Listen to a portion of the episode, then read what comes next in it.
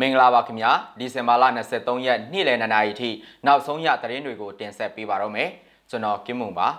စစ်ကောင်စီကကရင်ပြည်နယ်ဝန်ကြီးချုပ်ကိုထောင်ဒဏ်3နှစ်ထပ်မံချမှတ်ပြီးစုစုပေါင်းထောင်ဒဏ်အနည်း80ဖြစ်တဲ့သတင်းချင်းတွဲမြစ်ကြောင်းအရင်တရားမဝင်တည်ဆောင်လာတဲ့ကြောက်စိမ့်တွေကို PDF ဖန်စီပြီး NUG ထံလွှဲပြောင်းပေးအပ်တဲ့သတင်း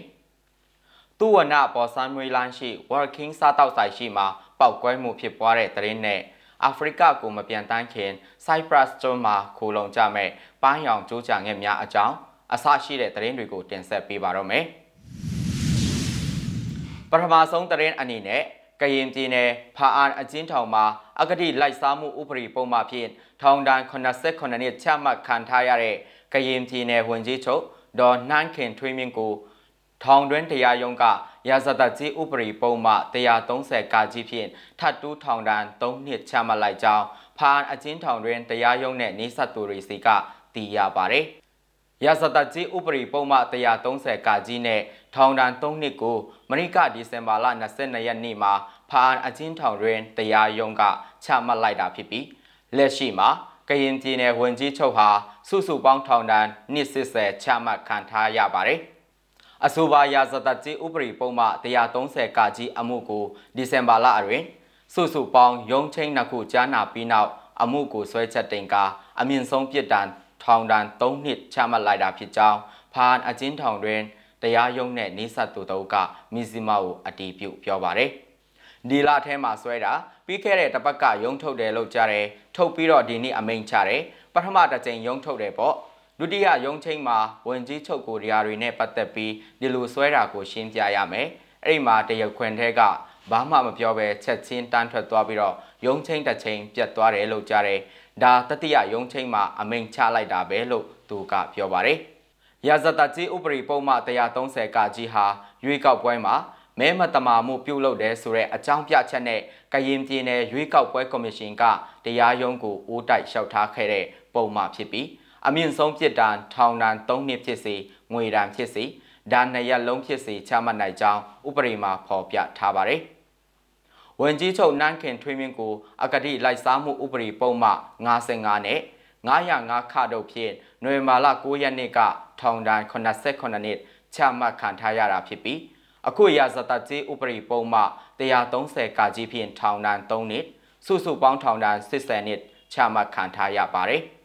အာနာသိန်းစစ်ကောင်စီရဲ့အမြင့်ဆုံးထောင်ဒဏ်အနှစ်80ချမှတ်ထားတဲ့ဝန်ကြီးချုပ်ဒေါ်နန်းခင်ထွေးမြင့်ဟာအသက်68နှစ်အရွယ်ဖြစ်ပြီးသူ့ကိုအာနာသိန်းပြီးနောက်ဖေဖော်ဝါရီလ10ရက်နေ့မှာစစ်ကောင်စီကဖာအားအကျဉ်းထောင်မှာဖမ်းဆီးထိန်သိမ်းခဲ့တာဖြစ်ပါတယ်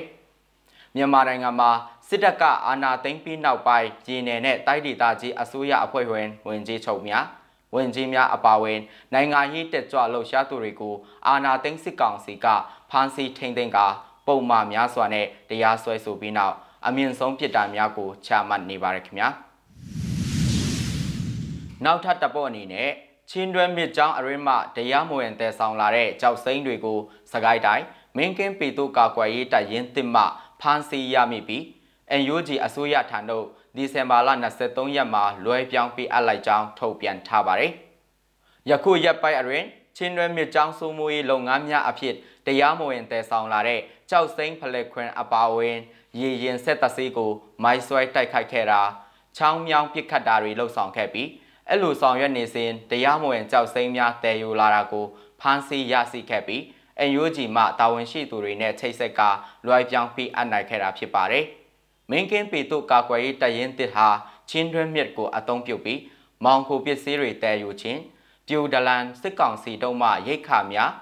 ခဲရန်လက်နက်များတည်ယူနေခြင်းတို့အပြင်စစ်ကောင်စီအနေနဲ့ရေချောင်းကိုအသုံးပြုပြီးတော့နယ်မြေစိုးမိုးရေးလုပ်ငန်းတွေလှုပ်ဆောင်လျက်ရှိရာသူတို့အနေနဲ့ရေချောင်းစိုးမိုးရေးလုပ်ငန်းတွေကိုအားဖြည့်လှုပ်ဆောင်နေကြောင်းသိရပါတယ်။လက်ရှိမှာလည်းသူတို့အနေနဲ့ရေချောင်းစိုးမိုးမှုတွေလှုပ်ဆောင်နေဆဲဖြစ်ပြီးတရားမဝင်တစ်ဝါများတည်ယူနေခြင်းကြောက်မီးတွေ ကြောက်စိမ်းများအပါဝင်စစ်ကောင်စီနဲ့ဆက်နွယ်နေတဲ့စီးပွားရေးလုပ်ငန်းမှန်သမျှကို ထိန်းသိမ်းခြင်းဖြတ်စည်းခြင်း AUG ဆောင်ရွက်နေကြောင်းသိရပါတယ်။စစ်ကောင်စီအာဏာသိမ်းပြီးနောက်ချင်းတွင်းအပါဝင်အေယာဝတီမေခမလိခမစ်တလျှောက်တရားမဝင်ဆွေတူးဖော်မှုများတရားမဝင်ငါးဖမ်းလုပ်ငန်းများတရားမဝင်တစ်လုပ်ငန်းများလိုင်စင်ပိတ်သိမ်းထားတဲ့ကြောက်မြတ်လောက်ကွက်တွေကိုစစ်ကောင်စီမှစစ်ကြီးကောက်ယူပြီးတော့ လောက်ကင်ခွင့်ပေးထားခြင်းအပါအဝင်တရားမဝင်လုပ်ငန်းတွေနိုင်ငံအနှံ့မှာတွင်ကျယ်လျက်ရှိပါတယ်။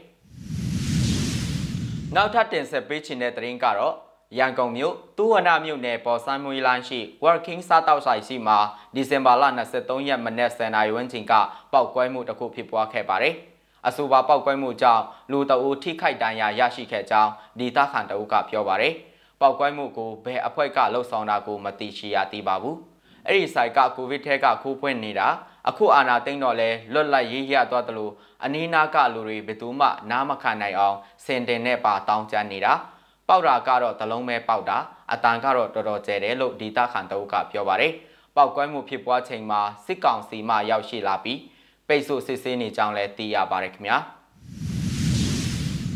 နိုင်ငံတကာဘက်မှာတော့အာဖရိကကိုမပြန်တန်းခင် Cyprus ကျွန်းမှာခိုလုံကြမဲ့ပန်းရောင်ကျိုးကြငယ်များအကြောင်းကိုတင်ဆက်ပေးချင်ပါတယ်။စောင်းရာသီရဲ့မိုးဥဝင်ရောက်လာပြီးတဲ့နောက် Phenicopteris roseus မျိုးစိတ်ဝင်ပန်းရောင်ဂျိုးကြတွေဟာအလီကီရေကန်မှာလာမယ့်နှစ်မတ်လထိစောင်းကိုကြမှာဖြစ်ပါတယ်။အဆိုပါရေကန်ဟာနွေရာသီမှာရေခမ်းချောက်ပြီးအပြန့်ကျဲတဲ့စားလွင်မြင်ကြီးဖြစ်သွားကစောင်းရာသီမှာရေတွေပြန်ပြည့်လာပြီးဒေတာရင်စောင်းခိုငှက်တွေအလုံးအရင်လိုက်ရောက်ရှိလာပါတော့တယ်။ အဆိုပါဂျိုးကြငှက်တွေဟာအာဖရိကတိုက်ကိုပြောင်းရွှေ့ကစောင်းရာသီကိုကုံဆုံးစေမှာဖြစ်ပါတယ်။ခရီးတစ်ထောက်အဖြစ်1.2စတူယန်ကီလိုမီတာကျယ်ဝန်းတဲ့ဒီရေကန်မှာစောင်းဦးရာသီတိုင်းခိုလုံဝင်ရောက်ကြပါတယ်။ဒီရေကန်မှာခိုလုံရင်၎င်းတို့ကအာထရီမီယာပဇွန်နဲ့အခြားအခွန်မာတရဝါတွေကိုရှာဖွေစားတောက်တတ်ကြကြောင်းသိရှိရပါတယ်။မြစည်းမရဲ့ဒီဇင်ဘာလ23ရက်နေ့လယ်2နာရီထိနောက်ဆုံးရရှိထားတဲ့သတင်းတွေကိုတင်ဆက်ပေးခဲ့တာပါ မြန်မာပြည်သူပြည်သားအလုံးစိတ်ချမ်းသာခြင်းကိုယ်ရေးချမ်းသာခြင်းနဲ့ပြည့်စုံကြပါစေခင်ဗျာ။